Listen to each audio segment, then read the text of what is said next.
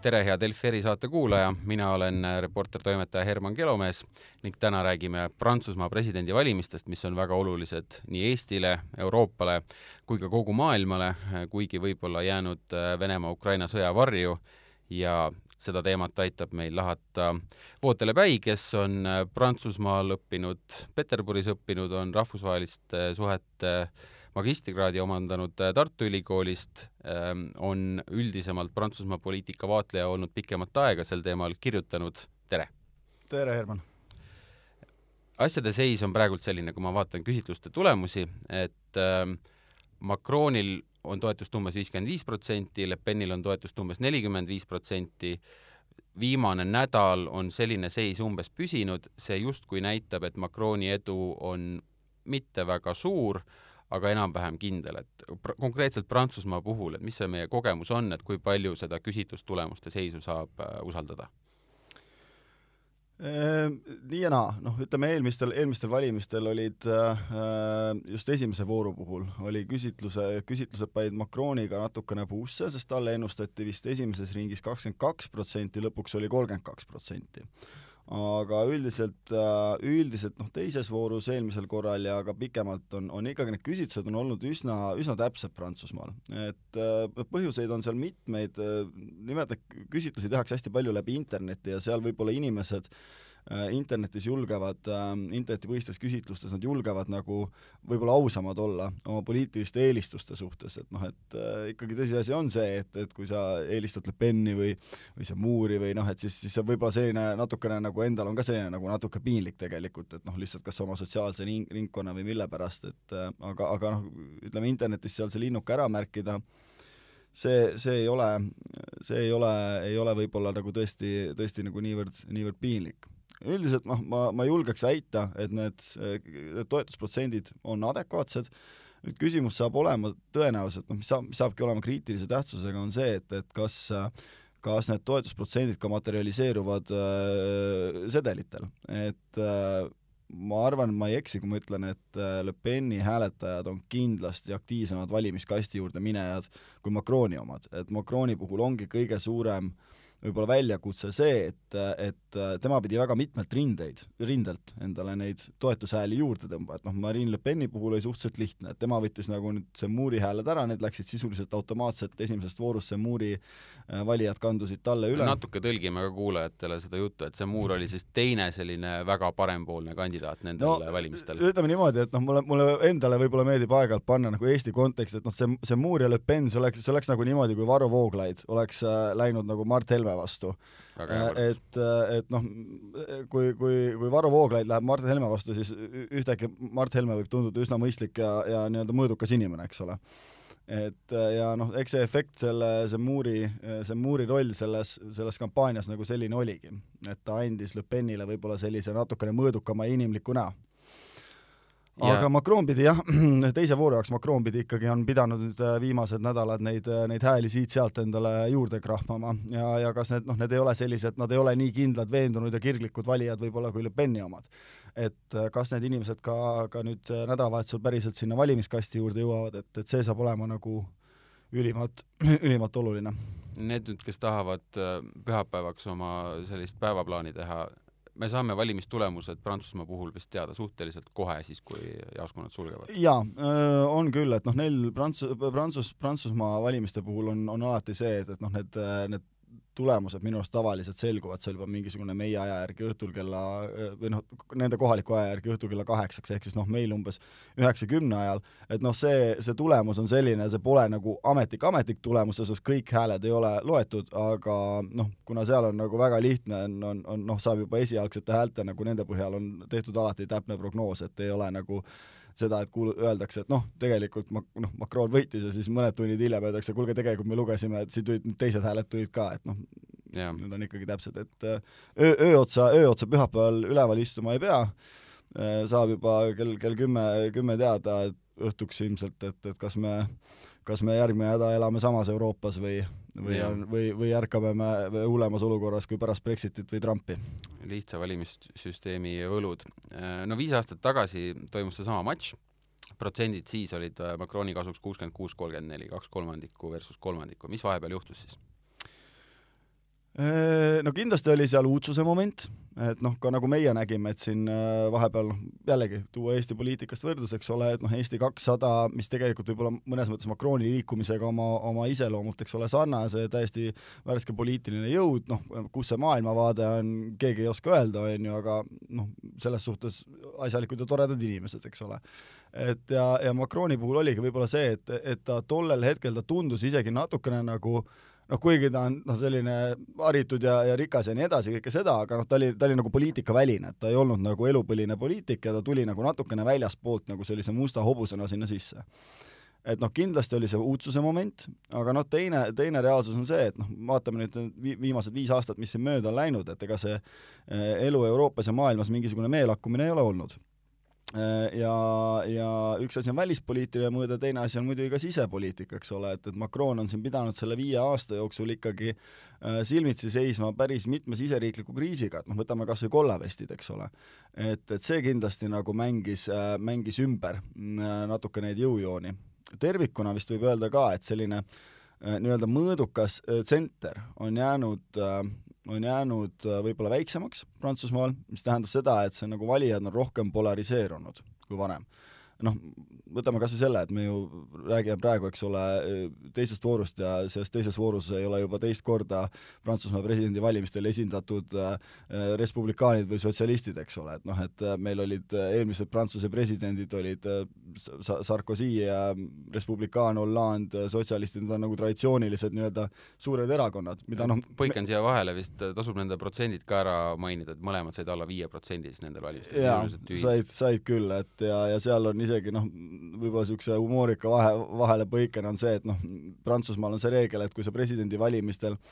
ei saa üle viie protsendi äh, kandidaadina, see tähendab seda, et riik ei aita sul kampaaniakulusid katta, mis tähendab seda, et, et noh, sotsialistid ja, ja respublikaanid said nagu nüüd päris korraliku, äh, päris korraliku arvega ärkasid üles, et äh, et respublikaanide kandidaat isegi tegi üleskutse, et talle raha annetataks et äh, inimestelt raha koguda selleks lihtsalt, et maksta oma, oma kampaaniaarve kinni, et mitte eraisiku pankrotti välja kuulutada. see on päris nukker ähm,. aga räägime mõnest kandidaadist veel, et me need kaks nii-öelda endise mainstream'i esindajat mainisime praegult ära äh,, nendest kordades rohkem hääli sai selline mees nagu Jean-Luc Mélenchon, kes on Prantsusmaa poliitikat äh, pikemalt jälginud äh, see peaks teda päris hästi teadma, aga tema toetus seekord oli ikkagi üsna rekordiline ja, ja sellest Le Peni teise vooru pää-, pääsemisest Macroni vastu, mis oli oodata, ehm, noh, sellest tehti kõik uudised ja, ja kõige tähtsamad pealkirjad siis, kui need esimese vooru tulemused selgusid ja, ja võis täitsa märkamatuks jääda et, et üks koma kaks protsenti jäi Melanchonil puudu äh, siis teise vooru pääsemisest Le Peni asemel. Melanchon on siis äh,, no ma pakun sulle siis võimaluse teda ideoloogiliselt, poliitiliselt iseloomustada no ma arvan, et meie mõistes ikkagi võib öelda, et Melanchon on selline tõupuhas anti-establishment kommunist, et äh, ja, ja noh, tal on, tal on ikkagi väga, väga huvitavad vaated mingites asjades, noh, ta on anti-NATO, anti-Euroopa Liit, anti-USA, ta on, räägib, et äh, noh, oluliselt oleks tegelikult ehitada liitlassuhteid seal Venemaa, Venezuela ja Hiinaga ja ja, ja tal on, noh, välispoliitikas on tal vägagi pikantsed vaated aga noh, selle kõige juures noh, et, et ütleme, et tema vaated võivad äärmuslikud olla, aga mida võib-olla on äh, nendel valimistel oli Melanchoni ja Le Peni puhul tegelikult samamoodi oli tähele panna, oli see, et äh, see, kuidas nad on endale need mainstream'i või tsent-, keskmised hääled endale ära sikutanud, on tegelikult mõlema puhul on sarnane taktika, et nad on Äh, nad on oma imagot oluliselt pehmendanud. et noh, Melanchoni kasuks räägib kindlasti see, et tal on olnud nagu tugev programm, platvorm, ta on alati seda esindanud, ta on alati sama juttu rääkinud, küsimus on selles, et, et kuidas ta seda on rääkinud. et see Melanchon, kes, kes meil on täna, on, on oluliselt ikkagi karismaatilisem, sõbralikum ähm,, kuidagi selline võib-olla inimestele in,, inimestega paremini suhestuv kui see äh, viie aasta tagune noh, ikkagi räuskav militant ja noh, tegelikult Le Peni puhul me näeme sama, eks ole, et, et selline kuri, tõsine ilme viie aasta tagustel plakatitel on tänaseks asendanud sellise leebe naeratusega, soe, inimsõbralik noh, et, et mm -hmm. tegelikult no tulles tagasi selle muuri juurde, eks ole, see muur oli see, kes võttis kogu selle viha ja selle kurja ja näitas keskmist näppu ja, ja tahtis kõiki välja visata ja, ja nii edasi, et et äh, jah, no Mélenchoni puhul on, on kindlasti, kindlasti mängisid äh,, mängis huvitavat rolli see, et noh, mida on paljudes sellistes äh, arenenud ühiskondades näha, on see just noorema, haritud noorema generatsiooni äh, selline äh, noh, natukene nagu radikaliseerumine, just mis puudutab nagu selline kommunism ja sotsialism, et selline Mélenchoni toetajad oli ka suurem osa Mélenchoni toetajaid olid tegelikult äh, äh noored inimesed, ütleme seal mingi vanuses kuni kolmkümmend, kes äh, elavad linnades ja kes on äh, kõrgharidusega, kuid kelle sissetulek on ikkagi pigem nagu väiksemapoolne. Et nemad olid sellised väga tugevad Melanchoni toetajad. Ja, ja päris palju on, oli ka sellist äh, strateegilist hääletamist, et inimesed, kes muidu oleks näiteks seal ähm, hääletanud äh, ütleme, Hidalgo ehk siis sotsialisti poolt või siis, või siis Jadot, et äh, noh, nemad nägid lihtsalt, et need, need kandidaadid ei saa oma, ei saa võib-olla oma seda toetust kokku ja nad ei tahtnud näha selles teises voorus Macron versus Le Peni, nad pigem tahtsid näha Macron versus Mélenchon. ehk siis need, need, kes muidu oleks andnud oma hääle traditsioonilistele suurtele, näiteks Ida-, Hidalgole, nemad viisid oma hääle, hääle seekord Mélenchonile väike remark, et äh, need küsitlused näitasid vist hüpoteetilised küsitlused teise vooru kohta, et Melanchonil poleks olnud edulootused nii suured kui Le Penil, eks ju. jah, aga tal oli siiski võimalus võrreldes teistega. jah ehm,. tulles tagasi Macroni juurde, et äh, tal oli terve pirakas ports äh, reforme, mida ta tahtis teha nende viie aasta jooksul, sellega nii hästi vist ei ole läinud ja see on vist osa tema sellisest hapramast positsioonist. No üldiselt võib öelda siiski, et, et ähm, see on Prantsuse, Prantsuse, Prantsuse poliitika on selline, et kui sa seal midagi reformida tahad, siis sa peadki nagu ütlema nagu mingi väga-väga suure visiooni välja ja siis hakkame sealt tagasi tõmbama noh, see tegelikult kehtib ka Prantsusmaa välispoliitikas, et noh, kui me näeme väga selgelt seda, kuidas pra-, Macron lendab välispoliitikas peale, eks ole, siin, et noh, NATO ajusurm või siis, või siis Euroopa sõjavägi, et noh, nagu see on, see on niisugune tüüpiline Prantsuse taktika on selline, et käia niisugune suur nagu, nagu natuke võib-olla isegi radikaalne visioon välja, ja siis hakata sealt nagu tagasi tõmbama ja siis lõpuks tegelikult saavutada see, mis, mis plaanis oli, et noh, minu hinnangul ikkagi, kui me vaatame praeguseid nagu Prantsusmaa majandusnäitajaid, et siin on ikkagi viimaste aastakümnete noh, kõige madalam tööpuudus äh,, hetkel isegi praegustes oludes on ikkagi Prantsusmaal äh, euroala üks kõige väiksemaid inflatsioone, et äh, üldiselt ikkagi seisud on head ähm, ja noh, tegelikult seda ka näitab see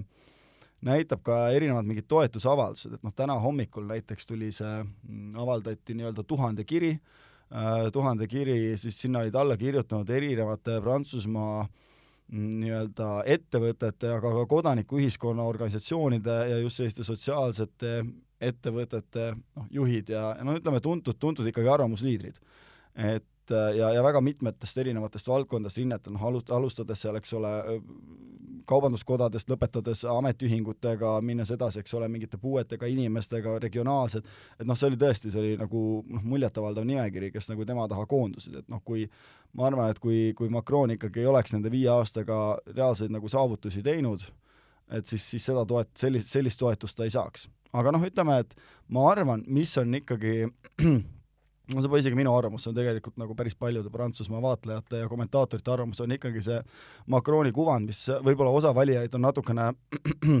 eemale tõuganud, et noh, ütleme seal ikkagi natuke selline Napoleoni lõhn on juures et noh, selline äh, ja kusjuures juba päris alguses äh, öeldi, et selline Macroni nagu taktika, selline valitseda nagu Jupiter, et noh, tema on nagu kõrgemal tasandil, tema vaatab kõike üle, et aga ta nagu distantseerib ennast natuke sellisest hästi igapäevasest olmest. ja see tegelikult noh, oligi, et, et me näeme teda surumas kätt kõikide maailma liidritega, tegelemas suurte rahvusvaheliste küsimustega, aga võib-olla nagu sellest kohalikust Prantsusmaa elust ta äh, siis natuke kaugenes. ja noh, tegelikult sedasama me nägime ka ju ütleme selle enne enne, enne presi-, praeguste presidendivalimiste esimest vooru, kus ta noh, mina ütleks, et et ta kaotas ennast tegelikult Ukraina mutiauku, just selles mõttes, et ta tegeles selle Ukraina küsimusega nii aktiivselt, et, et ta mõnes mõttes nagu unustas selle sisemise valija ära samal ajal Le Pen tegi ikkagi nagu ikka mitu kuud, reisis mööda Prantsusmaad ringi ja mobiliseeris oma valijaid ja võitis uusi juurde ja noh, siis oli ka see hetk, kus me ju nägime, eks ole, et see see, see nende nii-öelda vahe seal eelmise vooru järel, toetuse vahe oli ikkagi noh, siin üks koma viis protsenti, mis on noh, selline eestlase mm, selline intuitiivne küsimus selle peale, mis sa just ütlesid, on, et kas Prantsusmaa inimestele ei lähe Ukraina siis niivõrd palju korda kui meie Euroopa nurgas? Ütleme niimoodi, et äh, aus vastus oleks, et, et kindlasti ei ole prantslased selles osas nii kirglikud kui meie. Mis on ka arusaadav, selles suhtes, et äh, ütleme niimoodi, et kui Liibanonis äh, Beirutis lendab pool kesklinna õhku, et kuivõrd palju, noh, me kirjutasime sellest, me lugesime seda ja mõtlesime, et oi, nüüd läks pahasti, aga kui palju me tegelikult nagu noh, sellest mm nii-öelda, kui palju me reaalselt osavõtlikud olime, ei olnud ju tegelikult, eks ole. prantslaste jaoks oli see nagu noh, prantslaste jaoks on sellistes piirkondades toimuvad asjad nagu nend-, noh, meie jaoks Ukraina. aga üldiselt võime praegu ikkagi öelda, et et Prantsusmaa konsensus on see, et Ukrainat tuleb toetada Äh, inimesed on aktiivselt, äh, koguvad seal, äh, koguvad asju, toetust, raha, noh, kõike seda, et, et seal ei ole nagu küsimust, et noh, Prantsusmaa niisugune üldine avalikkus, üldine elanikkond on ikkagi Ukraina poolel. ja tegelikult see oli ka see moment, kus äh, kus see muur kaotas oma selle nii-öelda pinna, sellepärast et äh, see muur on noh, väga, oli väga, on väga venemeelne äh, ja, ja tema ütles, tema oli nii radikaalne, ta ütles isegi, et äh, pagulasi vastu ei võta. et isegi Ukraina sõjapõgenikke vastu ei võta. et noh, Le Pen saigi sealt need hääled enda eest, ta sai aru, et tegelikult Prantsusmaa avalik arvamus liigub teises suunas äh, ja Le Pen on noh, isegi saatis kõik oma nii-öelda selle enda erakonna äh, linnapead, need on järjest käinud seal Poola piiril võtmas nii-öelda sõjapõgenikke vastu, kutsumas oma linna et, et noh, nende, puhtalt nende näitajate põhjal me saame faktiliselt öelda, et ikkagi Prantsusmaa rahvas on, on, on Ukraina poolel. nii et kui ma toon sulle välja fakti, et äh, sellised rohkem või vähem venemeelseid hoiakuid üles näidanud kandidaadid Le Pen, Mélenchon, Zemmour said kokku viiskümmend kaks protsenti, mida me saame järeldada sellest? Äh, sellest me saame, sellest me saame järeldada seda, et, et, et nad on need, need küsimused, millega nad selle toetuse said, see ei olnud nagu nende seisukoht Venemaa suhtes äh,. Mélenchon näiteks suutis väga edukalt tõmmata endale rohelised hääled, sest et tema kliimaprogramm oli äärmiselt, äärmiselt tugev Äh, Le Pen selle asemel, et rääkida, rääkida, rääkida immigrantidest ja, ja, ja sellest, kuidas, kuidas sisejulgeolekut tuleb teha, hakkas, hakkas ühtäkki rääkima põhimõtteliselt sellist juttu nagu meie sotsiaaldemokraadid siin, eks ole. Äh, põhiteemad, millega ta valimistele läks, on, äh, on toimetulek, inimeste toimetulek, sissetulekud, elamispindade kättesaadavus noh, tegelikult sellised asjad, mida me vaatame Eestis, mida meil räägivad sotsiaaldemokraadid, seda räägib Le Pen praegu Prantsusmaal, kes siis, keda me siis nagu mõtestame, eks ole, paremäärmuslasena ehm,. no sa töötad ise kommunikatsiooni valdkonnas, et millise mulje sulle on jätnud siis Macroni selline vigade parandus pärast seda esimest vooru ja, ja seda, kus, kus see vahe tema ja Le Peni vahel selles hüpoteetilises teise vooru küsitluses vahepeal läks väga väikseks? Ma arvan, et siin on ikkagi selgemad, selgemad positsioonid ja Macron on äh, suutnud e, e, suutnud edukamalt võib-olla endale tõmmata äh, Melanchoni valijaid, sest põhimõtteliselt oli niimoodi, et noh, kui muidu on muidu on, ütleme, heaks traditsiooniks see, et pärast esimest vooru need, kes teise vooru edasi ei liigu, need kandidaadid ütlevad, et noh, keda peaks toetama. Melanchon, kellel oli väga suur toetus, tema ei, tema ei öelnud, ta ütles ainult ühte, mitte mingil juhul ärge toetage, ärge hääletage Le Peni poolt, et jätke hääletamata ja noh, siis kolm punkti, ehk siis, või siis hääletage pigem Macroni poolt. ja, ja noh, ütleme siin on, Prantsusmaa on tegelikult roheline, see kliima, kliimaküsimus on tegelikult väga aktuaalne, äh, Le Pen on, Le Peni programm kliima suhtes on ikkagi noh, täiesti noh, paneme, paneme tuulikud seisma, lammutame päiksepargid maha ja ostame Vene gaasi. noh, ikkagi noh, täiesti noh, lihtsustatult öeldud, aga nii see on. Macroni kliimaprogramm see-eest on, on väga tugev äh, jah, noh, mis puudutab otseselt, kui, kui rääkida noh, nende, nende nagu erinevustest nagu Venemaa suunal võib-olla on tõesti siis, on see, et ega see vahe, erinevus tegelikult on lihtne. Macron on pro-Euroopa, pro-NATO, Le Pen on äh, öelnud välja, et NATO juhtimisstruktuurist peaks tegelikult taanduma, äh, strateegiline koostöö Venemaaga julgeoleku, Euroopa julgeoleku teemadel on vajalik ja Euroopa Liidus äh, hakkame äh, tegema koostööd oma Ungari sõpradega, et seal nagu natukene seda, kas siis seda organisatsiooni reformida või siis üldse laiali lammutada seesmiselt. mõne viimase, aga olulise mõtte jõuame üle käia, et me oleme seda tuleviku Prantsusmaad erinevate kandidaatide vaatenurgast näinud, aga mis on siis objektiivselt need kõige tähtsamad küsimused, mis Prantsusmaal sisemiselt viimase, järgmise viie aasta jooksul ees on? Hea küsimus ja ma tegelikult pean nentima, et ma arvan, et see vastus on, on natukene igav. et selles suhtes tegelikult Prantsusmaa seisab silmitsi su-, suuresti sarnaste probleemidega nagu meie et, äh, et kõik, mis, mis hetkel nagu maailmas toimumas on, äh, just, just sõda Ukrainas, sellega kaasnevad kaubandus, majandusküsimused, see mõjutab äh, Prantsusmaa tavainimesi täpselt sama palju kui meid. et noh, nende, nende peamiseks noh, ütleme täpselt samamoodi nagu meil, tööjõupuudusega neil probleeme ei ole, meil on küll mega kõrge inflatsioon ja, ja ela-, elamispindade hinnad kallinevad hästi kiiresti, aga üldiselt Prantsusmaal on ka juba esimesed märgid sellest näha. Noh, mis puudutab energiat, äh, noh ne,, nemad on selles suhtes kindlasti paremas positsioonis, punkt üks, neil on tuumaenergia, punkt kaks, nad on juba aastaid ostnud kogu oma gaasi Norrast, mis tähendab seda, et äh, Venemaa gaasist lahti sidu-, sidumine nagu prantslaste jaoks sellist, sellist šokki ei tooks. Küll aga, küll aga noh, tegelikult reaalsus on see, et igasuguse, igasuguste sanktsioonide kehtestamine kahjustab äh, Prantsusmaa majandus- ja ärihuvisid ja Le Pen tegelikult sellega praegu mängib. aga noh, Macron on selgelt välja öelnud, et äh, Venemaa gaas ja nafta tuleks kinni keerata. et selles suhtes on ta üsna äh, üsna, üsna, üsna selge olnud. Prantsusmaa puhul noh, me peame kindlasti ka silmas pidama seda, et, et mis on nagu laiemad mõjud, mis on need probleemid, mis tekkida võivad, mida praegu ette ei näe. et kui me nüüd mõtleme, et äh, Ukraina, sõda Ukrainas, kuidas see mõjutab, eks ole, siin äh, Äh, viljasaake, äh, kuidas see mõjutab toidukaupade hindasid, siis noh, meie jaoks Euroopas tähendab seda, et toidu hind tõuseb. me läheme poodi, me ostame lihtsalt saia ja leiva kallimalt, aga me saame elatud, noh, võib-olla mõned inimesed ei saa lihtsalt puketis käia puhkamas, eks ole. Äh, aga, aga mis on nagu reaalne, on see, et, et on riigid Aafrikas, kes ei saa enam endale toitu üldse lubada. Venemaalt väetist ei tule või siis, kui see väetis tuleb, on see, ma ei tea, mis noh, kordades, kordades kallima hinnaga. Ukrainast vilja peale ei tule, süüa ei ole Aafrika puhul, kus on noh, ikkagi väga, väga palju selliseid riike, kus nagu in, humanitaarkriisi korral esimesena inimesed liiguvad Prantsusmaale, kus neil on sugulased ees või kus on mingi ajalooline side, et noh,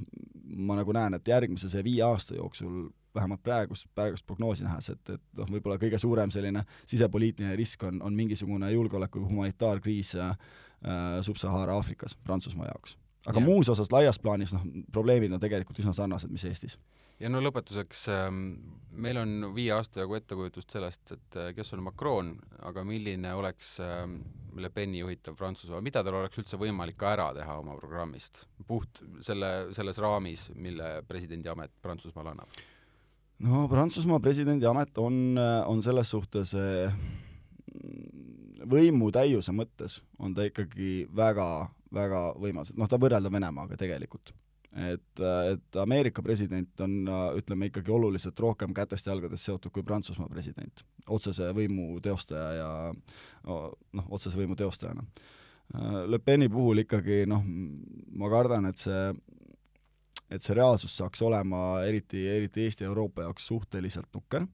sest äh, ilmselgelt oleks äh, Euroopa üks, noh, räägime nii, nagu asjad on, ühest-kahest Euroopa juhtriigist üks praegu, noh, Saksamaa ei tea siiamaani, kus suunas ta liigub, mida ta tahab, äh, mis, mis, mis see saab olema, see Saksamaa tulevik ja, ja sellest siis nende roll Euroopas. Prantsusmaa on praegu olnud tegelikult see stabilisaator Macroni juhtimisel Le Peni puhul tähendaks see sisuliselt ikkagi minu hinnangul seda, nagu Ukraina hakkaks Euro-, või mitte Ukraina, vabandust, nagu Ungari hakkaks Euroopat juhtima. et see oleks ikkagi päris Äh, päris, päris, päris nukker, nukker seis. ja noh, NATO kindlasti, noh seal NATO-st toimuks kindlasti eemaldumine, Prantsusmaa sidemed Venemaaga kindlasti tiheneksid veelgi, sest noh, Le Penil need, need sidemed juba on, et et kui, kui eelmine, eelmine kord sai ta, eelmiste valimiste jaoks sai ta siis laenu otse kuskilt Vene pangast, siis seekord äh, olid, käisid jutud, et ta sai kuskilt äh, ungarlastelt, kes omakorda kuidagi võtsid selle raha Euroopa mingitest fondidest üldse äh,, selleks, et toetada siis Prantsusmaa Euroopa vastast kandidaati, et eh, noh, nii need, nii need asjad käivad. et noh, Eesti, Eesti jaoks ma kardan küll, et see, see toru seal Pariisis jääks eh, nii Eesti kui Põhjala kui ka Baltikumi jaoks, eh, need, need liinid jääksid päris, päris vaikseks. no nii, hea kuulaja, ma usun, et te saite piisavalt infot, et teha ise oma otsus selle osas, et kelle poolt pühapäeval olla, kui te tulemusi jälgite. stuudios oli Vootali Päi, aitäh sulle tulemast! aitäh kutsumast! ja mina olen Herman Kelomees, aitäh Delfi erisaadet kuulamast!